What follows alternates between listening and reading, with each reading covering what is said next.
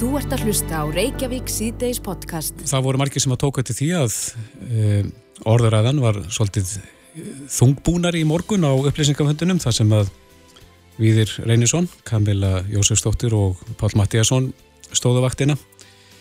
E, á línunni er Víðir Reynisson, kom til sæl. Komið sæl. Já, ástæða til þess að, að vera svona aðeins þungbúnar í dag heldur en í gær? Já, það er náttúrulega bara svona að þingra í okkur eftir bara þetta heldur áfram þessi þróun bæði fjölgun smittana sem er náttúrulega bara eitt aðrið í sjálf og sér en, en, en kannski líka þessi þróun sem við hefum haft mestar ágjur á er náttúrulega hversu alvarlegur þessi farutur verður og fjölgun innlagna og fleiri og gjörgæsli hefur þetta svona kveikir ákveðin flögg og svo hlustu við öll á, á hvað eh, stjórnendur og sérfræðingar landsbytalans hafa verið að segja og, og fleiri, fleiri aðela og við hefum verið svona að heyra í ymsum í kerfinu og það er svona það er þungt í mörgum Já, akkurat eh, Landið orðið raukt hvaða breytingar fylgja í kjölfarið? Þetta er ekki sem skiptir neinum áli innanlands sjálf og sér þessi litakóða kerfi sko. þetta er Þetta er um, svona reynslan að þessu er þannig að það er eiginlega ekkert land að grýpa þetta svona alveg hrátt og breyta einhverju á sér. Þetta er, er hvert landlegum mat á, á stöðuna bara og, og við sjáum það að það er mismöndi með þetta hvort að menn það ekki einhvað marka á þessu eða ekki þannig að, að við til dæmis uh, bara notum þetta ekki. Það Nei. er bara sama regla gildi fyrir alla hér, alveg sama hvað er koma. En eh, er síðasta helgi færna að stila sér í, í tölum? Nei, það er svona sjáðan kannski, við ætlum kannski að sjá það fyrsta, fyrsta lega á morgun og svo, svo náttúrulega kemur helgin síðan og við hefum alltaf síðan það helgarna hafa lækkað tölunar að færi sem færi sína tökur um helgar þannig að við sjáum þetta. Ætti að vera að koma inn svona þriðudag þriðudag næstu viku eitthvað svolítið Já, en e, það kom líka fram að þessum fundi að það er ekki bóði í krís að taka ekki ákvörðun. Eh, ef að þú eh, mættir nú, og hann hefur nú reynda sagt það, sóttarnalæknir að, að boltin sé hjá stjórnvöldum en e, svona með að við þína reynslu, hvað, hvað viltu gera? Hvað vilt að stjórnvöld geri? Já, það er bara þetta sem þau eru í sjálf og sér að gera. Þau eru að fá upplýsingar frá fjölmörgum aðilum um það hvernig e, samfélag okkar getur virka best til lengri tíma og ég held að það sé gríðarlega mikil að vinna sem er í gangi þessa dagana og við þurfum að taka tíma í að finna þáleik hvernig við ætlum að hafa skiplaði svona megin línuna í skiplaðinu næstu mánuðuna og jafnvel árin ef að þessi faraður geysar og, og, og við eigum vona á einhverjum svona bylgjum eins og þessari þar sem við þurfum að, þurfum að bregðast við. En á sama tíma þá segir ég líka það að það er ekki annað ekki annað hægt heldur en að veltaði með stjóðstu fyrir sig hvort það sé ekki rétt að horfa á svona tvær tíma línur í þessu, það er annars verið þess að sem ég var að nefna þessi langtíma sem að það sem er mikið vinna í gangi kringum það og síðan að taka ákvörðunum það hvað við ætlum að gera núna hvort að við ætlum að, að hérna, uh, halda bara áfram á þessari braut með þessum litlu takmarkunum sem eru og þá með þeim þróun og farðurum eins og við sjáum að vera raungerast núna eða hvort við ætlum að reyna einhvern veginn að hefta þessa bylgu og langtíma áallin okkar verði með þeim svona í, í, í þeirri línu er að draga úr því að við lendum aftur í þessari stöðu með svona langtíma aðgerðum. Við, við skulum ekki glemja því að við náttúrulega hættum öllum aðgerðum í lands upp úr síðustu mánuðamótum og við breytum, breytum á landamærunum og gerum nýni slegt á sem að voru það mistök? Í það er svo erfitt að segja hvað eru mistök í þessu. Við, við erum, erum náttúrulega bara stöttir í einhverju krísu sem enginn hefur verið í áður og, og menn eru bara allir að gera sitt besta og reyna að taka ákvarðinu byggða þau gögnum sem þeir hafa hverju sinni og þetta var niðurstann á þeim tíma, ég held að sé engin ekki þetta að, að hérna, horfa alltaf í baksinni speilu með það, nú er bara ný staða og nýjar ákvarðin sem það er að taka. Já, en er veiki hlekkurinn sem sagt í þessari keðju uh, og kannski uh, sá allra veikasti, er það spítalinn? Sko, þetta er, er þannig í svona, þegar að vera að takast á við þetta, við þurfum að horfa á, á sveigileika í öllu kerfinu til að takast á við breyttar og, og aðstæður og svona áskorun er og því meiri sem sveigilegin er og því meiri sem áfalla þólið er þar sé að geta til þess að takast á við þetta því meiri sem það er hjá að því minna þarf að grýpa inni með einhverju svona neyðarækjörð og núna er landsbítalinn það sem að augu allra beina stað en, en það má heldur ekki gleyma öðrum kerfum hjá okkur bara. Það er, hefur verið gríðalegt álag á til dæmis bara lauruglumannum um, um alland sem hafa sendt mjög mikilvæg verkefnum í kringum þetta. Uh, sjúkarflutningsmenn eru, eru hérna mikið álag, miklu flutningar og mörgum stöðum ekki allstaðar en mörgum stöðum er mjög mikið erill og mikið álag og sjúkarflutningum miklu meira endur en menn hafa síða áður til dæmis hér á höfuborgarsvæðinu og svona mætti lengi telja þannig að, að það eru þetta fókusin í daldi á landsbytarna því þar eru við að, að horfa á veikasta fólki og þá sem þurfa mest að mest á allir halda en við erum bara hér í okkar vinnu í smittranníkunni og samskiptum við eins og stofnunum að sjá bara þessi merkjum það að, að, að hérna, kerfið á mörgum stöðum er undir miklu álægi og, og hérna og það er það sem við erum svolítið að, hafa ágjur af. Já, en þú ert vantilega með fókusin víðar, er, ertu með augað á eldgósinu líka? Já, já, ég er enda með bara vinn með svo frábæri starfsfólki, það eru sterkur hópur hjá okkur sem að, sem að hérna, ber svona hittan og þungan að, að þeirri vinnu. Ég, ég er svo sem bara er með augað á því en, en, en það gengur allt bara svona sinn vana gangi í því, það er hraunreynsli rennur á, á besta stað í augnafleikinu og, og, og getur gert það í einhver tíma ennþá en á sama tíma eru við líka að skoða skoða náttúrulega og hlusta á vísendamenni þess eins og öru að að hérna ef að, ef að það er komin svo stað upp að einhvers svona eldar er að fara að vera upp á Reykjanesinu til góð sem mjög langan tíma eða aftur og aftur eins og, eins og sagan svo sagan segir okkur að geta gert að þá erum við líka að skoða ímislegt í þessu og gera tilrunni með varnir, með svona varnagarðin sem við hefum gert, við erum að gera tilrunni með með hvað ljóslegur allir það með þóla, rakstæringir þóla og, og svona ímisspúnaður sem er okkur mjög mikilvægur og hluta á svona ómissendi innviðunum við erum að reyna átt okkur á því hvað hvaða ráð er þetta nota til þess að verja mhm. bæði þá byggð og mannverki og svona viðkoma hluti eins og, og fjarskipta netið og svo leiðis ef að, að raunir þarf að renna í þar áttu sem, að, sem getur ógnast lík og þá þurfum við að vera búin að gera þær tilurinn sem þarf til þess að geta tekið rétt af okkarinn þegar því kemur. Já, Þetta er rannsónir eins og rannsónir eins og bara í, í öðrum greinum að það þarf að, það þarf að byggja bestu þekkingun þegar teknar eru ákvarðanir. Já, en við það er líka að fara að bera á fleiri fréttum finnst manni af aukinni áhættu hegðun við góðstöðunar? Já, finnst það verið ekki magnað að, hérna, að hoppa inn á, inn á raun sem þú kannski horfur hún í glóðina og ég sé nú kannski fyrst og sem það bara fólk svartar það ekki að, að raunnið sko myndar þessi skil og hún getur verið bara sentimetra þygt og það lítur út fyrir að vera bara allt saman í góðu lægi sko. En, en er þetta eitthvað sem að þarf að bregðast við? Já, við erum fleiri um að gera það, það er ekki að gera út viðvarana hverja meðan degi um þetta og, og, og hérna... En er þetta erlendi ferðamenn sem að þeir eru kannski til að fá þessar viðvaranir? Það er alltaf langt flestir sem fara á aðgóðstofunum eru erlendi ferðamenn.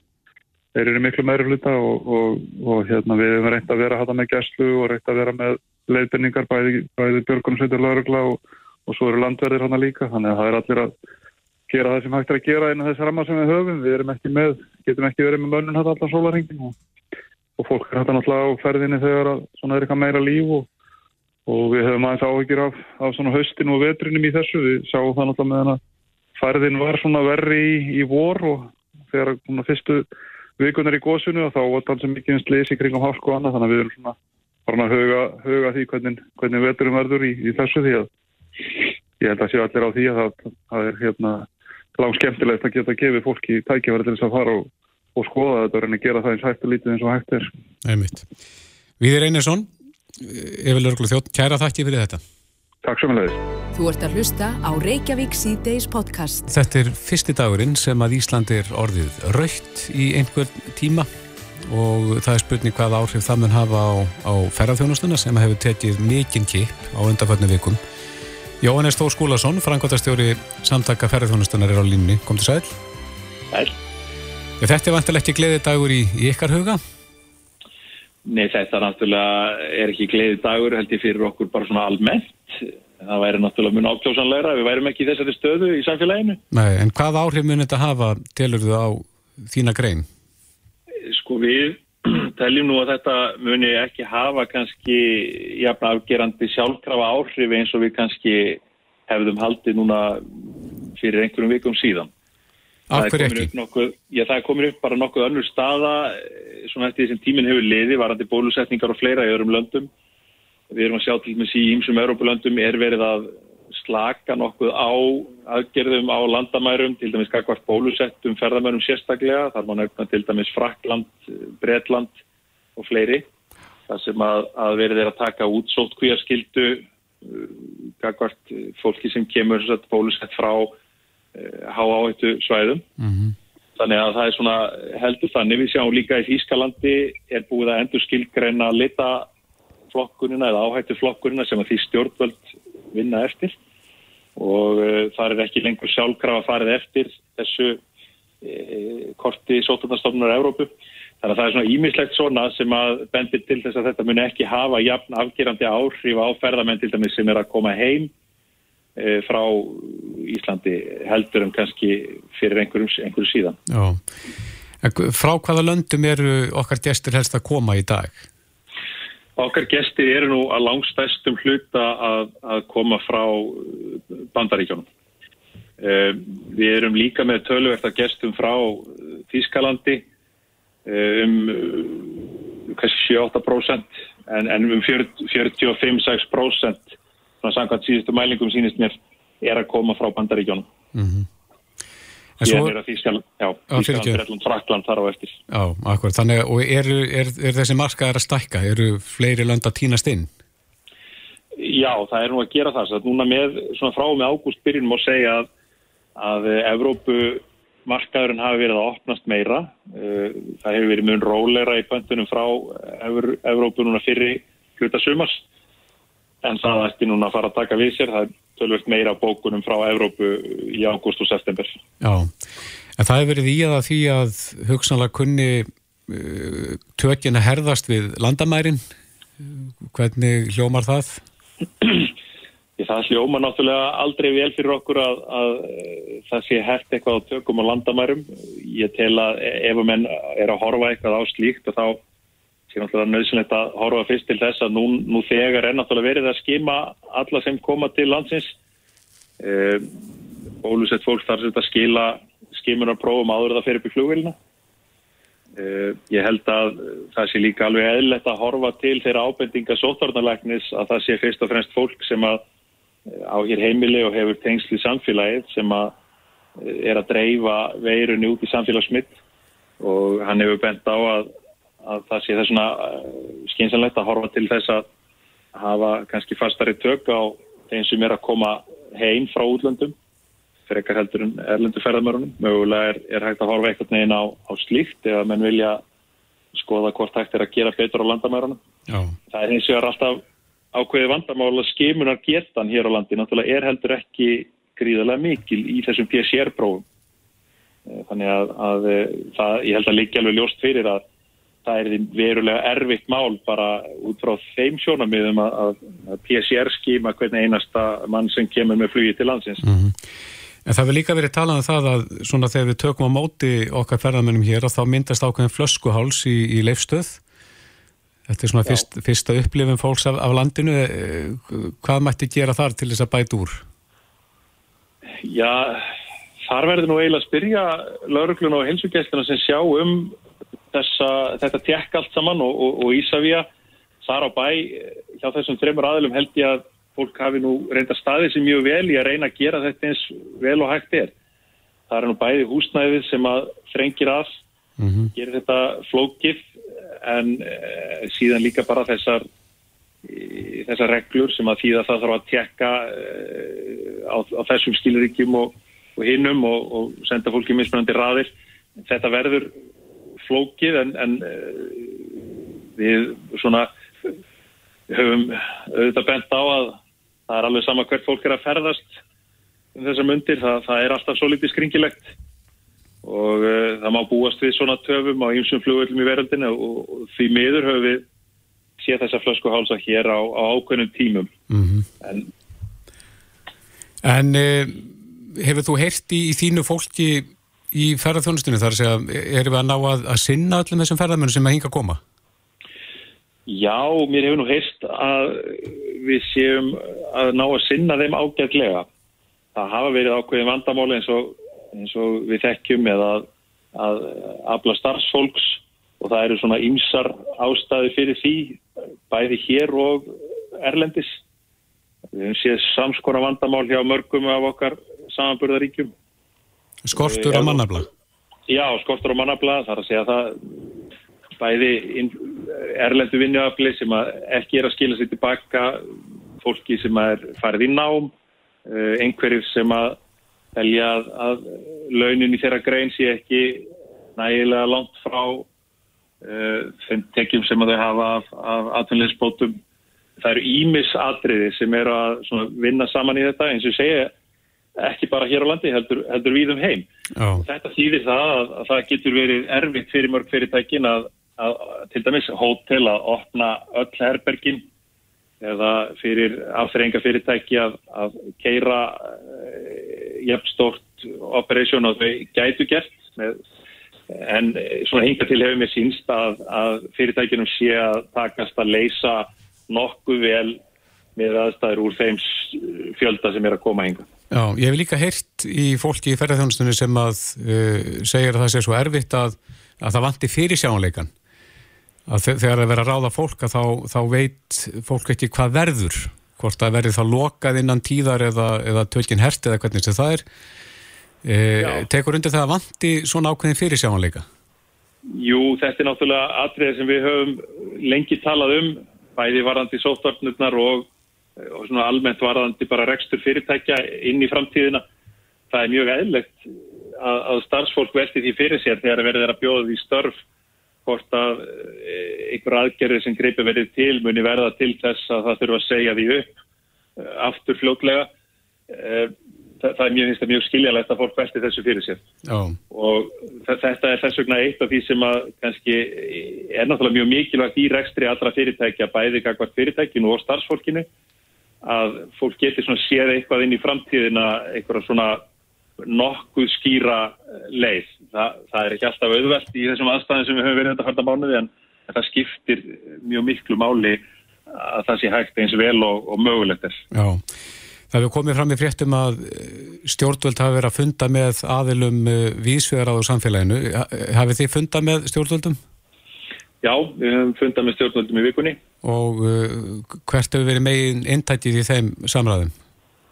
Já, okkar skilabóti stjórnvalda í þessum, þessari stöðu núna eh, voru fyrst og fremst þau að, að gagvart stöðunni á landamærum og sótturnum innanlands þá séu herstar aðgerðir eh, náttúrulega flóknar fyrir fyrirtækin að, að vinna með sérstaklega náttúrulega eh, herstari landamæra aðgerðir við höfum bentum til dæmis á það að hægt væri að, að vinna með Þetta er hægt að vinna með tillögu sótarnalæknis úr síðastlinu minnisblöðum um það að beita eh, aðgerðum gagvart fyrst og fremst þeim sem er að bera smitið út í samfélagi, þess að í rauninni okkur sjálfum sem búum hérna en, eh, en komið veg fyrir kannski hardari eh, aðgerðir gagvart ferðarmörunum Erlendu sem að svona gögnin hafa sínt úr smitrakningu og annað að það er ekki að bera þessi smit út í samfélagið í sama mæli að það væri það mögulega skinsamlega leið til að ná einhvers konar jafnvægi þar.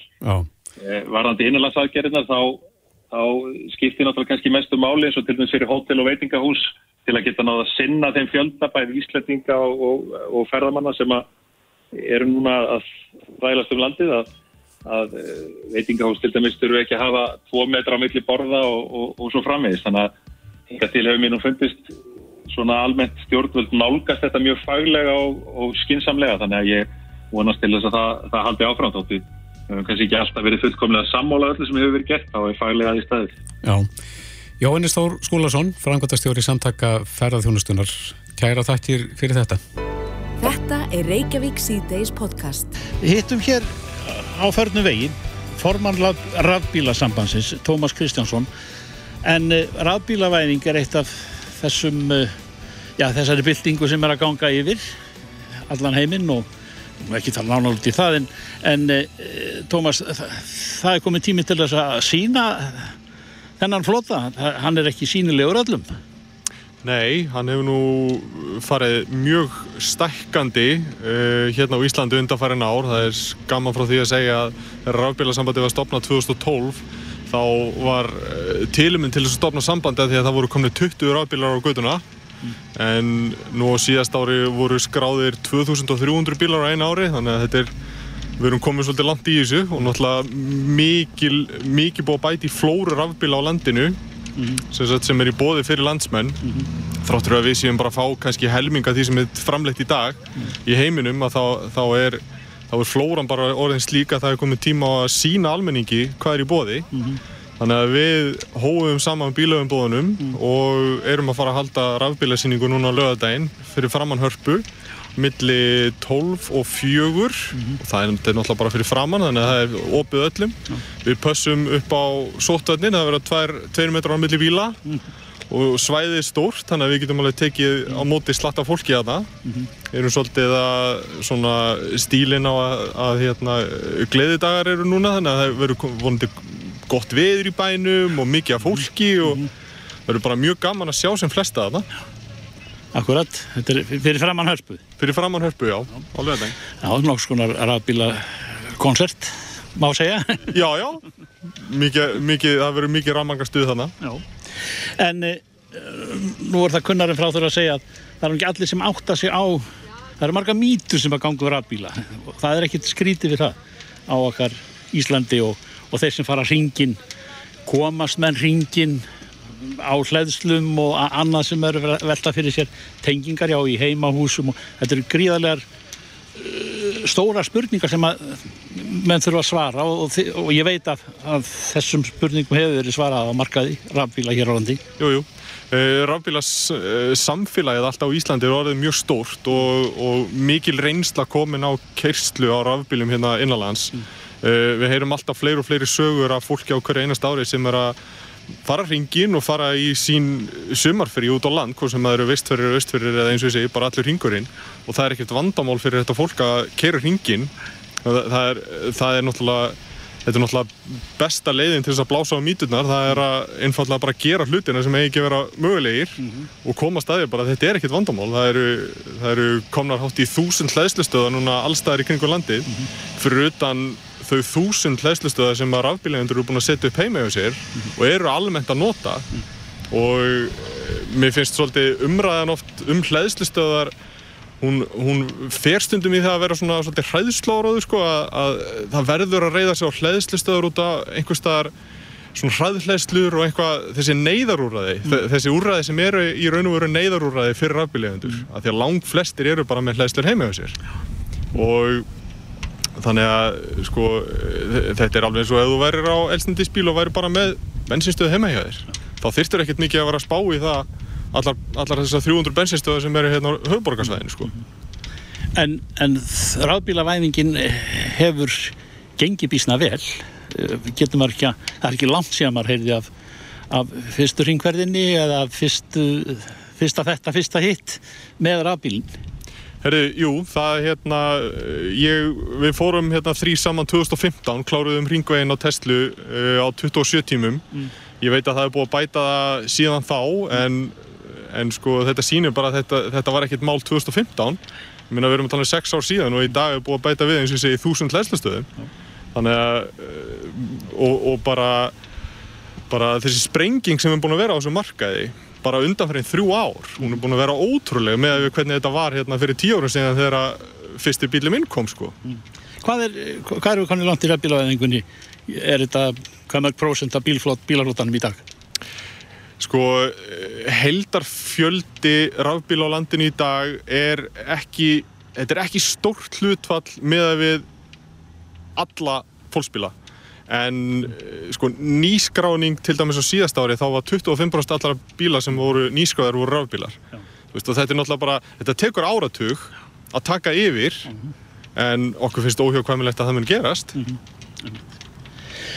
Já, uh, ein spurning að lókum að því að ég maður staldra við míturnar en, en uh, Tómas að vetrarfærðin kemur, segir nú til sín á Íslandi hér eða þar og fyrir hinn varir en þó að við séum hér í átjónastíða hitt á sumrin og sólinni. Uh, uh, Akstur bíla, rafbíla í, í vetrarfærð Já, allir, öll aukvöntæki eigða meiri orku á veturna, alveg saman hvort það eru elsnýttisbílar eða rafbílar. Rafbílar áttu það til hérna áður fyrir að eigða umtalsvert meira svona hlutvarslega með við elsnýttisbíla, eh, einfallega bara því að miðstuðin í bílunum var svo óhagkvæm. En í dag er þetta orðið allt öðruvísi og ég raun og veru algjörlega á pari við sko það, eðslu minnstur á vetur og sumrin er orðið algjörlega á pari við elsnitispíla. Mm. Tómas Kristjánsson, formaður rafbílasambansins, við getum endalust talað um þetta, við sem bara, bara höldum því áfram fyrir framann hörpuna hvað á lögadaginn? Lögadaginn, millir 12 og 16, ég verð á svæðinu þarna með öllum bíluðumbónum og bara hvert sem flesta til þess að mæta. Gott gengi. Hlustaðu hvena sem er á Reykjavík C-Days podcast. Við skjótumst hér inn á skrifstofu hjá manni sem að hefur verið í símanum í allan dag og þó eru þó að símtölun hefðu orðið fjóru sinum fleiri þá þá hefur hann þurft að svara þeim öllum og ert ekki, ert ekki komin rétt inn í, inn í búkan Pál Mattíasson fórstjóru landsbítalans þú komin úr fríi og, og þín býða aldeilis verkefnin. Jújú, jú, það er rétt. Það er eins gott að ég náðu eitthvað að kvíla mig hérna í fríinu verna þess að það eru aðri verkefni þegar maður kemur tilbaka og það er bara því við þannig mm. og það, svo er staðan að, að við erum að glíma við ennina bylgjuna af þessari farsótt og mm. hún hefur í sig bísna hratt. E, það var á fundi ykkar að sjá og heyra að, að, að undirtótnin var bísna alvarlegur og, og ástæður tilteknar fyrir því. Eh, er þetta eh, ástandið eins og það er í dag, er það eh, ískikilegra en þú hefðir vonað? Já, ég held að sjá þetta að segja það. Við fórum, auðvitað þegar Bilge fór að rýsa, fórum við á hættustig og, og höfum í rauninni verið, síðan hefur aflæði verið aukast og við svona, það segir sitt að við skulum bila til fólks þá kannski sérstaklega hjúknarfræðing og koma úr fríi og það snýst um það auðvitað að, um, að spítalinn er í rauninni mannaði með við sumastarfsemi núna en við erum ekkert með sumastarfsemi, við erum komið með bara í barótt, fulla baróttu í farsótt þannig að þá verðum við að fá fólk tilbaka sem kann til verka og hefur þekkinguna. Og þannig er það bara. Eh, þannig að vissulega er eh, ástandið eh, það hefur vesnað hratt. Við erum höfum geta bröðist við og, og haldið í en, eh, en auðvitað, það er ákveðin óvisa varandi þessa nýju bylgu mm. Eh, sem veldur okkur áhegjum. Mm. Nú segja sumir sem maður, sem maður náttúrulega hafa fylst grann með þessu, e, þetta er ekki svo mikið af innlögnum. Hvernig, hvernig er, má það vera að landsbítalinn fer á skakk og skjön við, við ekki fleiri innlagða? Já, það er alveg rétt ef þetta eru kannski nála 20 innlögnum sem komnar eru en þá eru reyndar síðan að horfa á spána sem segir mm. að, að við þeim mun fjölga á, á næstu dögum og vikum þannig að við þurfum auðvitað að líta til þess um, en uh, sko það sem býr þar að baki er að jú, visslu við erum með 600 rúm en kannski 400 þeir eru bráðarúm það er mm. eitt mm. þannig að þetta er aðeins minna um, annað eru auðvitað það að, að ef þú ert að segla á báti og, og, og sko sjólínan er eiginlega við byrðingin þá má ekki koma alltaf þá guðsast inn og við erum daldið þar mm. sem maður lítur á það þá er uh, almennt ráðlagt að bráða legudildum sé 85% hámark uh, innlægna hlut allan að hægt sé að sína sveiginleik og breyðast við en uh, á landsbytala er 95-105% uh, yfirleitt innlægna, innlægna hlutfall mm. sem að þýðir að við höfum ekki bor fyrir báru uh, enn eitt er auðvitað að mönnunin er tæp. Hún er það almennt en það var komið tími til að senda fólk í sumarleif og við hvertum fólk að taka þau núna. Þannig að það skapar enn frekari viðkvæmni. Uh, nú ég held að það megi síðan alltaf má enn nefna það að við erum með, það er heilmikið í gangi í samfélaginu núna, veist allt er á fullu og þá þýðir þá líka að fólk veikist og slassast meira þannig að það er nóg annað að gera á spítalanum. Og enn eitt er það að maður er hálf hrættur að nota þetta orð en útskriftavandi sérstaklega hrumsfólk sem að á ekki afturkvæmt hendil sín að hann þýði það að, að fólk þarf átt að býða uh, eh, bísna lengi mm. uh, á spítalanum. Þannig að þetta er staðan eins og hún er en ég er ekki að segja að við séum aðgerralaus við erum að hugsa einsum leiðum til að bregðast við þessu. En nú kallar eh, vandin vegna þess að það er ekki nægt vinnuafl ekki nægt uh, vinnabla fagfólks sem að uh, er í fríum eða, eða horfið frá störfum eða hvernig sem maður má orða það það er bráðavandi, er það ekki? Það er, ég myndi nú ekki segja það það er, jú, það er kannski verður að bráðavanda nákvæmlega núna en þetta er langtíma vandamál mm. og ekki einskorað við Ísland. Það er alþjóðlegt vandamál og það vandar fólki í heilbriðis þjónustu, ekki síst hjúknafræðinga mm. og þetta er mál sem við höfum uh, vakið aðtilistjórnvalda á fyrir uh, þó nokkrum árum og það er verið að uh, leita leiða til að ebla mönnun og nýliðun og, og að halda í starfsfólk í, í helbriðskerfunu og ég nefnir sem dæmi að, að breytingar á vinnutíma, ekki síst vattavinnufólks 70% vattavinnufólks sjónum óbeimbera er hjá landsbytala e, vin, breytingar á vinnutíma vattavinnufólks í vor voru, eru liður í því til dæmis að gera vinnumkörri meira aðlahandi mm -hmm. Pál uh, auðvita hljóp í samfélagið mikil bjart síni spilgja þegar að uh, þetta hjaðnaði svona og við náðum góðum árangur í bólusetningum og svo framvegis en uh, svo læðist þetta að baktir að megin fóru að skart af stað? Ég held ekki. Ég held að, ég held að sé ekki sérstök ástöð alltaf ætla það. Menn taka, þetta er bara veira sem við þekkjum ekki alveg. Og menn taka þær af, af heilundum þær ákvarðinu sem þeir telja réttar mm. með að við upplýsingar sem fyrir líkja síðan bara breytist það og menn mm. verða þá bara að hafa auðmygt sem menn hafa til viðkynna þeir höfðu rámt fyrirstjóru vannmátu eða, eða mátu skakt mm. uh, ég tek alveg undir með þér, ég var bjassinn, ég var nú í fyrir bylgjunu þá vildi ég nú ekki vera að rosa sigur en ég held að við verðum að sjá síðustu bylgjuna þannig að, þetta kem mér í sjálfu sér jæfn mikið og þér en auðvitað þegar maður hugsaður málið aðeins dýbra og, og lítur í baksinni speilin þá, þá kannski átt ekki að koma manni óvart Nei. En uh, ef uh, svart sínustu spár ganga eftir að þá gæti þessi bylgja orðið nokkuð þung og mikil uh, verður er þetta þá spurningum að varnarlína verði sett við landamærin svona í í drustu merkingu þess orðs Flut, fólksflutningar milli milli landa og, og restriktsjónir á því?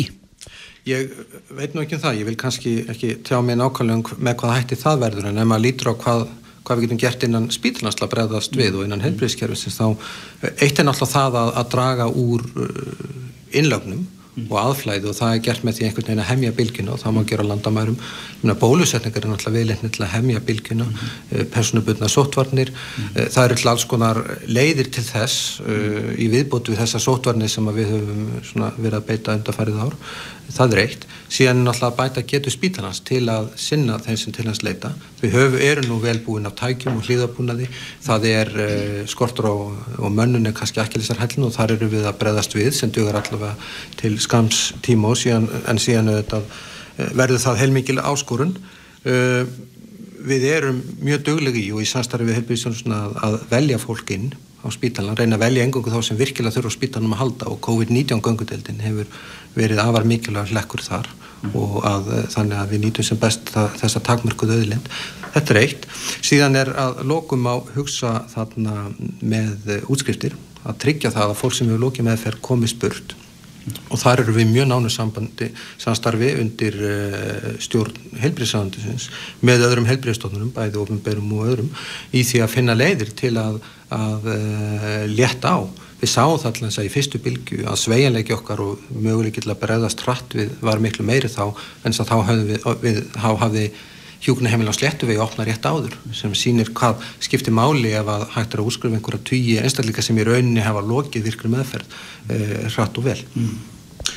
Þetta er annars vegar brínar eh, aðgerðir í núinu og svo, og svo eins og þú ert að tala um eh, framtíðaplani, það verður að breytast Já, já, þú hugsaður þetta einmitt eins og, eins og við erum að hugsa þetta þetta er annars vegar einhver nýbilgja núna sem við verðum að ná tökum á hvernig sem við förum að því mm.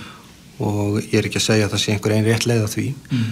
um, síðan þegar því líkur þá þurfum við að, að huga til framtíðar, að ég held að við þurfum að, að sætt okkur við það við þessi faraldur eða aðri viðlíka eru komin til að vera og við þurfum að hafa getu í heilbríðskerfinu til að bregðast við því. Þá má ég lega segja við þurfum að hækka byrðingin þannig að hver, ekki hver aldaf leiðileg sem að þurfa að auðsa á bátnum. Eh, það er mikið ramagn í loftinu í stjórnsýslunni og, og, og, og, þú ert partur af því og, landsbytarnar sjálfsögðu miðjan. E, í þessu áttu vona því að þetta gerist e, næstu dögum, næstu vikum, næstu mánuði svona einhverjar afgerandi aðgerðir sem að sem er þá bara vörninn fyrir því sem að gæti heimsótt okkur. Já, ég sjálfur sér að afgerandi aðgerður og kortlarning þeirra er löngu hafinn í heilbriðiskerfinu en við erum að grýpa hratt til þeirra núna. Uh, margt af þessu hins vegar sem að mestað kreppir eins og mönnun mm. er langtíma verkefni sem að við leysum engangu almennilega til ángs tíma. Það eru mörg í þætti sem þurfa að koma saman og ég, ég tel nú að margt af því sé á réttir leið en uh, það er alveg rétt, þetta er, það er þarna, við þurfum að leysa bæði hlutina í, í, í tilskanstíma og langs. Mm. Pál Mattíasson, fórstjóri landsbytarnas er við þólum og þjóð? Nei, ég held að það með einu bara svara því með einu orði, við erum ekki þólum og en, en við erum auðvitað uh, seg og, og ég held að þraut seg og þolgeði sé ákveð enginn að smerkja á okkur, það er segla í okkur og, og ég held líka þegar virkilega á gefur þá snúum við bökur saman og mm. það er það skapar ákveðin sko, styrkleika það að mm. bóknaðin brest ekki er ákveðin styrkleiki í hverju samfélag og ég held að við höfum sínt það að við höfum það alltaf að bera mm. Eigum það til að tilengja okkur samstöðu? Já, þegar að virkilega á reynir þá kemur samstæðan en, en fram að því þá náttúrulega er, er vill það, það breyða við að hver höndi séu upp á mút ennari. Pál, kæra þakkir og ég maður segir það við alla þá sem að standi í framlýninu bara vegna ykkur vel. Reykjavík síðdeis á Bilginni podcast. Það er ekki bara fólk að skokka hjóla úti að vaka og sumir er konur og sumafríum og þar framöndi kvotunum Uh, ég er ekst hér á mannesku sem er að uh, hefur þá ræktar líkama sinn og, og, og, og er íþrótt á og heilsufræðingur og hefur nömi land þar sem að heitir og sóktum að fá að stunda ræktun á hampi einn þeirra, það er nú verið misþungur róðurinn hjá þeim sem er að fara út í þessa ræktun en, en eh, Ragnhildur Gíða Magnúsdóttir þú, þú hefur hafið framlegslu á, á, á einhverjum aförðum eða hvað? Já, ég er að, að rækta svona í, í tilruna skinni að reyna að búa, eða markmið er að reyna að búa til uh, streyn eða, eða hampu afbríði sem að þrýfst vel á Íslandi og, og sem maður getur í rauninni náð full, fullri blómstrun á þessu stutta sumra okkar mm -hmm. og en í eins og er að þá er ég bara með litla, mjög litla ræktun mm. og er að, er að fókusa á að, að rækta upp blóm mm -hmm og svo er hægt að taka þessi blóm og það er hægt að reykja þau í, í pípu eða rúlu upp í, eins, og, eins og með síkrættur sko mm. og það er hægt að baka þau í opni mm. og borða síðan, mm. setja í hilki eða setja í shake eða eitthvað og þetta er bara að hafa alveg ótrúlega öllu áhrif á heilsuna mm. hefur hjálpað mér sjálfur mikið með að, að komast sjálf út úr meðslum eftir slís mm. Hvernig, eh, segðu mér aðeins frá því, það, það finnst mér aðdeglisvert að þarna kemur hampurinn sterkur inn eftir slís og þú þurftir að ná heilsu aftur. Já, já, það hérna uh, það voru mjög eh, miklar og, og víðtækar afleggingar eftir þetta slís, meðal annars misti hárið og, og var öll verkuð og, og eiginlega hætti bara að geta haldið höfðunni yfir matadisk. Mm, mm. og hampurinn, hann hjálpaði mér að lína kvalir hann hjálpaði mér að ná betri svefni og í rauninni og svo þegar kvalirnar í rauninni uh, hjaðnu þá gæti ég var ég betri í stakk búin til þess að beita öðrum orkuheilunar aðferðum svo til þess að í rauninni já, heila líkamann mm. að fullu, þannig að nú er ég búin að ná aftur fullri heilsu mm. og er bara orðin jafn spræk og ég var, ég var sterkast að kona í Íslands hérna fyrir nokkrum árum og, og varst að rætta hérna, hvað segir maður? Champion eða? Og hérna og erst að koma úr ræktinu núna? já, og er að koma úr ræktinu núna. Og, og svo það sem var mjög merkilegt og, og eiginlega merkilegast öllu var að hampurinn bæði og það var sérstaklega borðablóminn og laufinn lefa strætu að fara einan fram hjá að það hjálpar hárinu mínu að spretta aftur. Þannig að ég eiginlega, já, ég er að nota að tampin fyrst og fremst núna í dag til þess að örfa hárvöxtin. Já, og, og ná uh, helsunni aftur algjörlega en, en uh, hvað, hvað tók það langan tíma og, og, og hvað var til þess að þú rakst á, á þessa undraverðu júrt? Já, það var þegar ég kynntist mannin mínum. Hann var mikið í, í hérna, að nota kannabis við, við sínum verkjum og, og sjúkdómum og kvöllum og, hérna, og við uh, settum í gang svona bara litla ræktun sko, sem var náttúrulega ekki löglega á þeim tíma og þá tók ég eftir því að bara við að nota og það voru reyndar uh, kannski ekki, myndi ekki flokkast sem hampur en þetta voru plöntur sem voru með það látt THC-magn á móti CBD mm. að þær voru ekki að valda vímu og ég tók eftir því um leið og ég byrjaði að borða laufin og það er rosa gott bræðaðum þetta er alveg, þetta er, þetta er æðislegt í salat sko. Og hérna og ég bara fór að borða þetta og ég fór bara að missa svo mikið hár og svo allt í hennu fór bara hárið að spretta á fullu. Og ég var ekki alveg að tengja saman 2 og 2 þannig á þessum tíma. En svo náttúrulega hérna, kemst þetta upp sko að, hérna, og lögreglan gerir þetta upptækt. Mm -hmm. þrátt, þrátt fyrir að þetta sé ekki einu sinni vímugjafi sko, þetta er náttúrulega þetta er svo kjánalegt. Og, og þá bara stuttu eftir og þá náttúrulega hætti ég að geta borða, borða blóminn og, og laufinn og þá bara hrundi allt hárið aftur og þá náttúrulega byrjuði verkinn að koma aftur inn og þá fór maður í raunin að sjá hvað þetta var að gera ofbúslega mikið fyrir mann mm -hmm. Þetta, er, þetta gerir þú sjálfur hefur þú leitað til heilbyrðiskerfisins eða, eða sínt því fulltrúum þess fram á þennan undraverða bata? Já, ég hef verið hjá hérna, húðlækni og deildi þessu með henni og hún bara sagði að þetta væri bara frábært mm. og, hérna, og ég meiri segja að bauðst þess að leifin að fá að, að borða hérna, hamplómin mín og, og hérna, hamplöfin þar sem hún var nú sjálfa að hérna með hálós í, í rauninni sjúkdóm sko. En það var nú ekki, var nú ekki síðan neitt úr því en, en, hérna, en ég alltaf fullir það að hárið á mér sprettur og á systeminni líka. Ég hef líka verið að búa til ólju fyrir hana úr þessari ólju, mm. hún er með legslímuflakk og þetta bæði linar hennar verki í móðlífinu og kveðarhólinu og hún ber ólífin á sig og hún reykir hampin og borðar hann og, og hún, þetta bara bjargar henni og meðan hún er á blæðingum.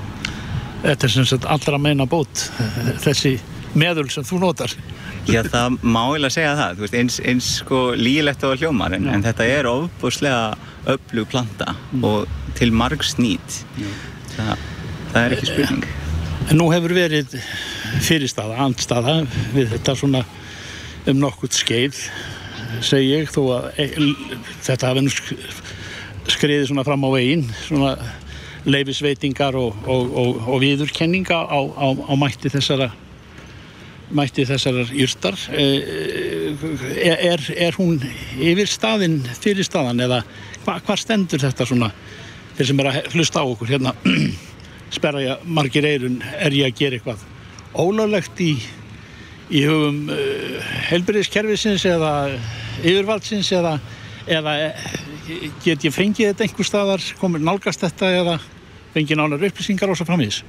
Sko það er alltaf að verða meir og meiri vitundavakning í þessu mm. fólk er að opna svolítið augun fyrir þessu það er náttúrulega búið að vera svolítið heila þóttur í gangi í frá 1960-70 um skaðsemi kannabis mm. Mm en það, þetta var bara ekkert á rökum reist og þetta er í rauninni í upphafi sko bara eh, rasismi það voru bandaríkjumenn sem að vildi ekki fá Mexikanana inn í bandaríkin og þeir voru náttúrulega mikið að nota kannabisplöntuna mm.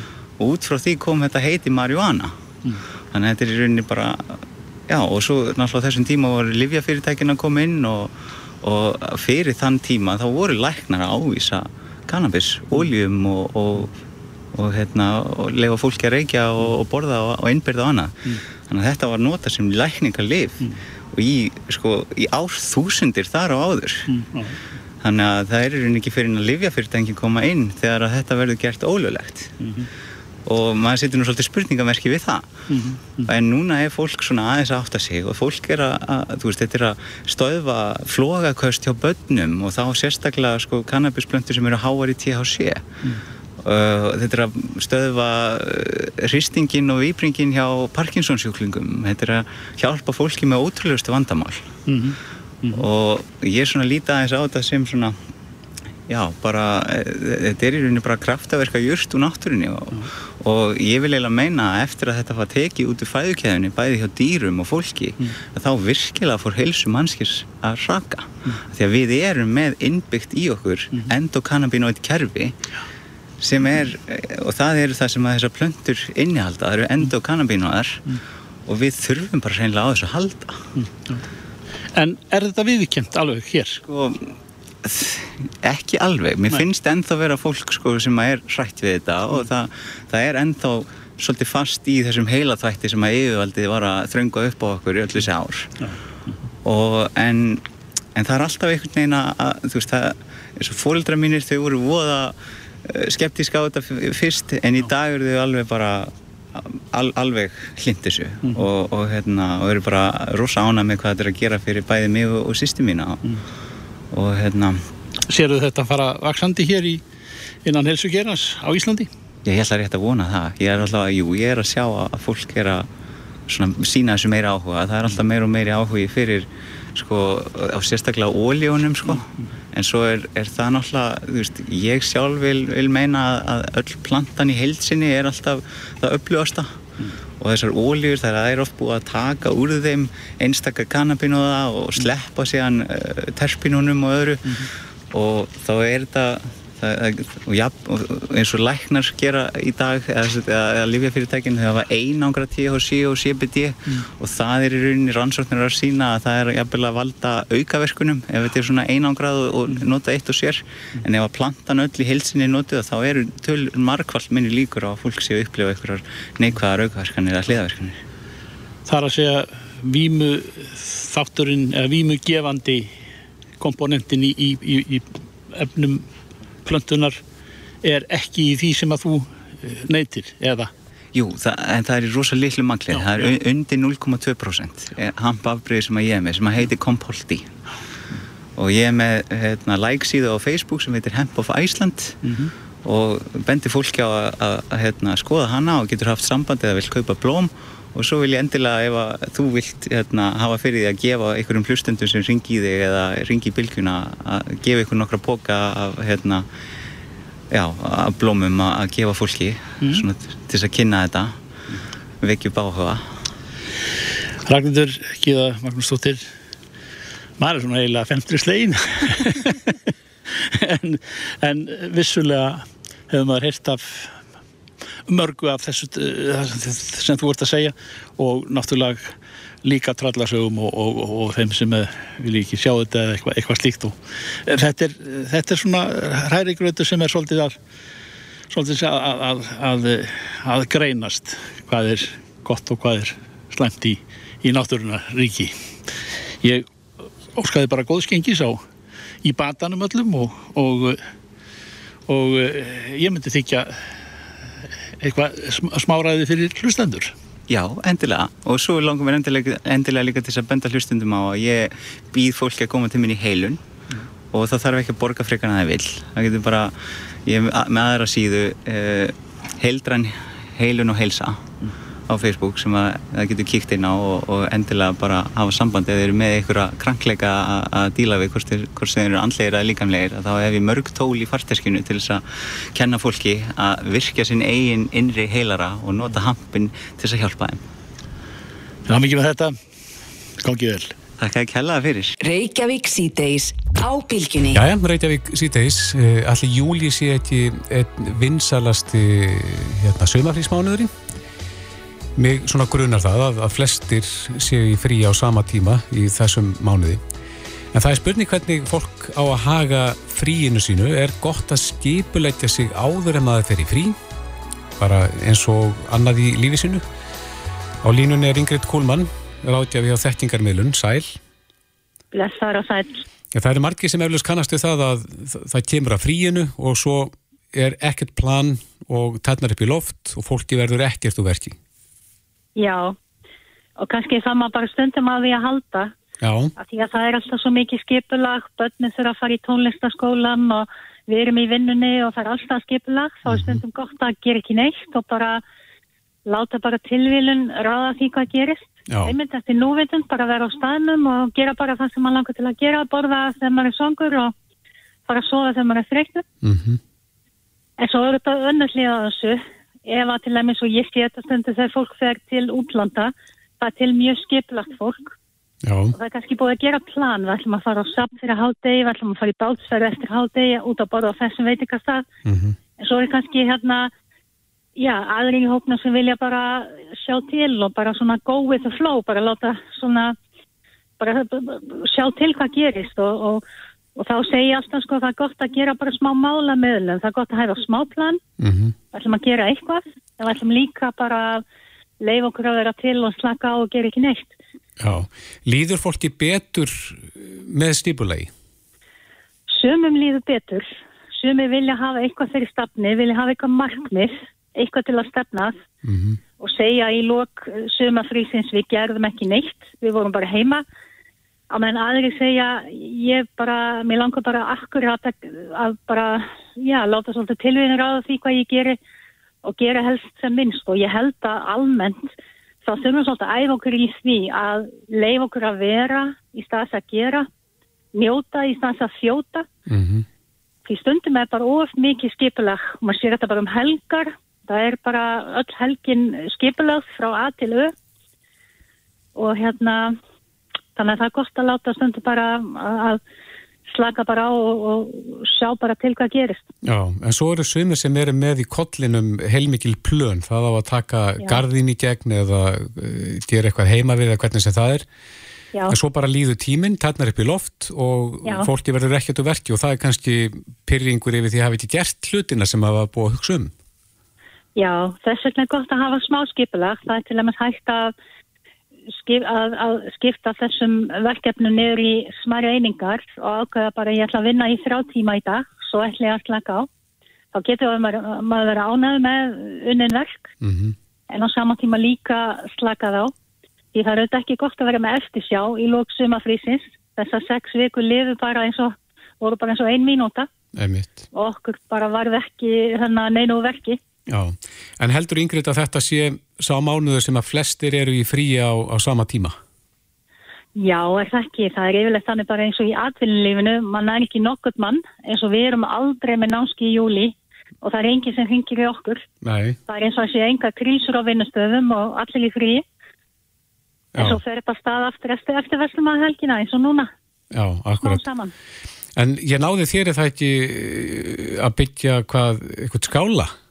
Jú, við erum að byggja landnámskála í Súandafyrði, í botni Súandafjörða, það búið að byggja þess að hlaða veggina, klömbru og nú er verið að reysa grindverk og byggja þakkið og þetta er nokkur ára plan. Hva, hvaða hópur er þetta sem að er að byggja? Það er fornminjafélag Súandafjörðar sem stendur að þessu. Og þú í því? Ég er í því að fara að segja að maður minn er frá já. Suðureyri og hann er formaður félagsins og, og það er öll fjölskylda hér Já, ég að skil byggja þig. skála. Og er þetta síðan eitthvað sem verður opið almenningi? Já, já, það verður opið. Við byggðum verbúð líka í Súhandastyrði fyrir þreymar árum Mm og hún er opið öllum og þetta verður líka opið en það er meiningin að þetta verði söguhús þar sem að fólk mun setja við lang eld og, og hlusta á sögur. Já, já, já. Þetta er spennandi verkefni. Já, eh, var þetta á stípulæginu? Þetta er búið að vera á skipuleginu undanfarinn ár. Við förum alltaf á þessum árstíma því að venjulega þá er Aktalón sem er einleikja hátíð Mm á, í Súhandaferði. Hún alltaf verður ver ekki haldið núna í ár og ekki fyrra heldur. En þetta er alltaf bara á sama tíma Já, á akkurat. Já. En ef við streikum undir, Ingrid, að þá er, er skipulag í blandi svona nett kæruleysi góð blanda. Já, ég held að það sé hægt að mæla með því. Já. E, takk fyrir þetta og, og gangi ykkur vel að byggja. Já, takk fyrir. Reykjavík síðdeis á Bilginni podcast. Jæja, Reykjavík síðdegis heldur áfram. Það er eflust einhverju sem að mun eftir því að fyrir svona um það byrli tveimur ánum síðan að þá fjöldluðu við hér í þessum þætti um eh, fyrirhugaðan innflutning fjölstild og hú, hústýragarsins á hermöðrum eh, held ég alveg örgulega frá Brasilíu. En það er spurning hvað, hvað varðum þessa fyrirallanir, eru möðurarnir komni til landsins eða hvað? Þorkill Heiðarsson, deildastjóri í fjölstjöld og hústýragarðinu vera á línu, kom til sæl. Já, blessar. Komu herrmöðurarnir síðan til landsins? Nei, við hefum ekki fengið þá en þá og þannig að við hefum ekki fengið svona brasilískan her hér ennþá til okkar. Nei. E, þetta er svona, allt saman hefur verið svolítið flækja í þessu máli. Já, hvað gerðist? Já, það er er svona svolítið áhagast máli sjálf sér vegna þess að fyrst var það nú þannig að að fórseti Brasilíu þá og núrandi held ég Bolsonaro hann, hann hérna það, það eru þar einhverja reynsanir í, í stjórnkerfinu og, og breytingar og ímislegt mikið pólitísk svona pólitísk um, hvað við segja, ókyrð. Mm -hmm. Það var til þess að einhverju embætismenn í viðkomandi ráðuneytum og stopnunum uh, mistu vinnuna og aðri kom í staðinn og þetta var svona til að byrja með og svo þannig að þetta taðist allt saman út af því og svo náttúrulega kom þetta svo kallega COVID sko. Já, já. En, og þannig að þetta er allt svona bara farið á mjög langan bygglista. Já, þið hefði semst ekki, ekki hérna, hægt við þessa fyrirallan, þið, þið stefnaði á að fá hermöruna til landsins? Já, svona í sjálfu sér hættum við aldrei svona formlega við þetta, þetta er svona bara kannski dætt svona uppfyrir sér allavega í byli og svo verður kannski bara tekinu upp þráðunum setna og en það má nú kannski geta þess í, í, á sama tíma ef við náttúrulega komum í ljósa að eh, á Íslandi þrývart fjölmarka tegundir af maurum ólíkt, ólíkt því sem áður eh, var haldið fram og, mm -hmm. Og það er líka svona verkefni sem við verðum að skoða það er að, að gera þessum tegundum eitthvað skil hérna. þetta eru sannlega íslensk hústýr og hérna það væri mjög gaman líka geta sínt fólki þessa tegundi sem hafa verið að finnast núna í rannsóknarverkefnum sem hafa verið unni hérna í Háskóla Íslands á undanfönn. Já, hver er munurinn á íslensku maurónum og svo þessum brasilísku? Já, ég svona segja til að byrja með þessu munminni, það er nú kannski svona það sem að fólk getur og með það kosti hugga sig við Já. þessar tegund, tegundir sem hafa verið að finnast til eru mjög smáar en, en, en þessir maurar sem að hugmyndi var að flytja hérna voru allir miklu stærri og harskittari mm -hmm. en uh, eins og kannski var gert, var rætt mikið á sínum tíma en þannig að þetta er svona þannig að það eru alltaf koma nýja hlýðar á mauramálunum sko mm -hmm. En eru þessar íslensku tegundi, hvað er það margar? Ég man ekki hvað þeir voru búin að finna, mér minnir að veri búin að finna fimm eða sex tegundir, ég, hérna uh, það er nú góðvinnur okkar hér sem er unnið svolítið fyrir Karlin uh, Marko Mancini sem hefur verið að vinna verkefni hjá uh, háskólanum með þessa möra og, og verið í samstarfið ímsa að leita að mörum mm -hmm. á Íslandi og þeir hafa fundið allnáttúrulega tegundir og, og maður einhvern veginn ólst nú alltaf upp við það að manni var kent að hér væri engin möra sko, þrýfist hér á Íslandi en, það er nú greinlega öðru nær. Vinna þeir þessir íslensku eins og maurar eins og við þekkjum úr, úr bíómyndunum þar að segja í fylkingum og, og mynda bú og annað slíkt? Já, ég myndi að ætla það að þeir séu með bara sambarilega hefðun og, og, og maurarnir hérna sem við þekkjum náttúrulega bara frá Skandinavi og, og nákvæmlega London. Já. Þannig að þetta eru svona félagsskortir, sko. Já, en e, burt sér frá maurunum sem að koma ekki til landsins, ykkar starf sem hefur náðast verið að breytast þetta ekki í fjölstjöld og hústýragarðinum? Jó, hún hefur verið að gera það og það var náttúrulega hérna síðastliðin vetur þá var... E, sagt, eh, breytt hérna innan borgarkerfisins á þann hátt að var svo breyting að það var stopnað, eh, stopnuð dýraþjónustar Reykjavíkur sem að er í rauninni tekur svona yfir verkefni sem áður voru dreifð í borgarkerfinu, það eru málumni katta, það eru málumni hunda, það eru málumni svona hálfvildra dýra eins og kanina og, og náttúrulega hænurnar og síðan vilt dýr sem að lendi hremmingum sem eru ábyrð sveitafélagana innan marka.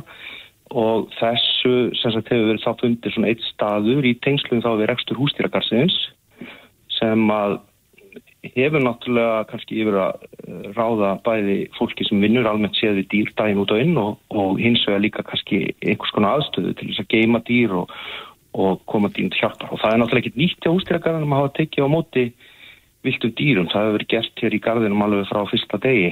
En þið eru að fá til eitthvað núna hunda og ketti sem að hafa verið fenguð? Já, eða eru í óskilum, það er nú kannski miklu algengara, það eru þá dýr sem hafa týnst og eru í óskilum og, og hérna, finnast einhver starf á flandri. Þannig að það hefur verið all mikið umfræðið mitt í sumar, það hefur verið mikið um hunda í sumar sem hafa verið uh, á lausagöngu hér og þar. Og uh, þannig að það hefur verið all, all mikið að gera í því uh, máli. Meira heldur en vennilega? Já, svona, við hefum kannski ekki lengri reynslu því að þetta var áður, hundamálum voru áður á hendi uh, sannsagt heilbreyðseftilitsreikjaukur og þannig að við höfum kannski ekki alveg samanbörðin en, en, en það hefur alltaf verið all mikið, sérstaklega núna svona í sumar, mikið Já. af svona hundamálum að koma upp í mjög skonar. Og svo náttúrulega, þetta er ekki bara hundar sem eru kannski, þetta er líka mikið af svona öðrum málum sem tengjast þessu ónæðismálum, ónæðismálum og ímislegt annað. Já, já. Já, spennandi verkefni á ykkur framöndan en við býðum að sjá um hvað verður um maurana þegar verður að fara að íta við Bolsonaro og félögum. Já, við bara býðum allavega eftir næstu kostningum í Brasilíu og sjáum hvað það verður eitthvað breyting á, á hérna, afstöðu stjórnvalda þar. Akkurat. Þorkell Heiðarsson, deildastjóri í fjölstjöld og hústýragarðinum. Takk fyrir þetta. Takk fyrir kjalla. Reykjavík síðdeis á Bilginni podcast.